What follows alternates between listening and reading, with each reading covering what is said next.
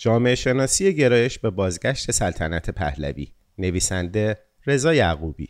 انقلاب های زیادی در جهان موفق شدند و تا حد زیادی به اهداف خود رسیدند. در این حال انقلاب های زیادی یا شکست خوردند و سرکوب شدند یا به انحراف کشیده شده و به نظام های مستبدتری ختم شدند که خشونت بیشتری به بار آوردند. جامعه شناسان همیشه سعی کردند تفاوت‌های این رویدادها و چرایی آنها را درک کنند. شاید امروز برای ما سوال باشد که چرا با وجود ضربه ای که جنبش از طرفداران سلطنت خورد هنوز کسانی هستند که برای آنها تبلیغ می کنند و خواهان بازگشت نهاد سلطنتند اگر فرض کنیم از جنبه سیاسی درست باشد که خود نظام حاکم کسانی را اجیر کرده که در این تنور بدمند باز پاسخ کافی برای این پرسش نیست که چرا هنوز کسانی هستند که این گرایش را دارند و دستمایه استفاده سیاسی می شوند. یک بخش از آن ریشه در سنت دارد یعنی چیزی که در طول زمان برای مردم تبدیل به عادت شده است. در جوامع آزاد که تجربه چند قرن آزادی را دارند این عادت وارونه شده یعنی به جای آنکه مثل ما بپرسند پس چه کسی قرار است بیاید خواهند پرسید بدون آزادی چگونه امورمان را سامان دهیم؟ به قول دوتا کویل برای مردم آمریکا غیر قابل تصور است که در جامعه ای غیر آزاد زندگی کنند. برعکس جوامع شرقی که نمی توانند تصور کنند در جامعه آزاد زندگی کنند. این های موجود فرصت مهمی برای عوام فریبان ایجاد می کنند آنها با وعده های پوپولیستی و با علم به اینکه مردم نمی توانند نظامی غیر از آنچه بوده را تصور کنند خود را به شکل منجی و پدر خیرخواه ملت نشان می دهند.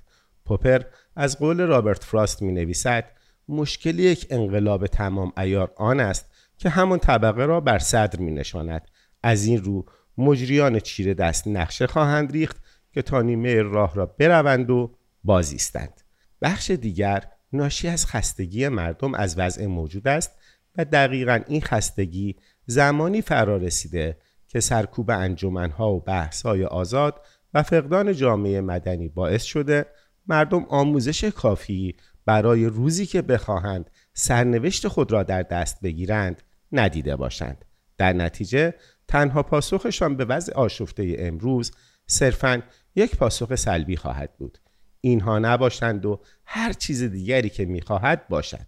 اینجا نقطه اتصال یک انقلاب با ارتجاع است که ناشی از تحمل ناپذیر بودن وضع موجود و عدم آگاهی کافی به بدیل های درست در است. چنانکه دیویی با دقت آن را توصیف کرده است. باید متوجه باشیم که دوره از بلا تکلیفی و ناامنی که کم و بیش با ناآرامی و آشفتگی همراه است باعث ایجاد این احساس می شود که هر چیزی از آنچه هست بهتر است. که همراه با میل به نظم و ثبات به هر شرطی است و این دلیلی است برای اینکه چرا انقلاب ها مرتبا با ارتجاع همراه می شوند و حقیقت این گفته لنین را توضیح می دهد که انقلاب ها اقتدارگرا هستند. اما نه با آن دلیلی که او می گفت انقلاب هایی که با ارتجاع همراه می شوند بدون شک اقتدارگرا و سرکوبگر خواهند بود چون برای مستقر شدن باید هر طور که شده بخش آگاه جامعه را که حاضر نیستند با انحراف ارتجای انقلاب همراه شوند سرکوب کنند و نظام جدید را مستقر کنند که آن هم اقتدارگرا خواهد بود. در نتیجه بازگشت پهلوی با توجه به عوامل مذکور به ناگزیر اقتدارگرا خواهد بود. هر قدر هم وعده دموکراسی داده باشد. در چنین شرایطی باید نیروهای آگاه و متلقی آن انقلاب با تراکم و فشردگی بالایی آگاهی های لازم را از هر مجرای ممکنی به مردم برسانند و آنها را به حقوقشان و به بدیل های درست و شیوه های سازوکار دموکراتیک آگاه کنند و با ترویج نگاه انتقادی و تکیه بر خرد از غلبه هیجانات پوپولیستی جلوگیری کنند. یعنی اجازه ندهند عاطفه و تخیل مردم به تسخیر پروپاگاندای پوپولیسم سلطنتی درآید.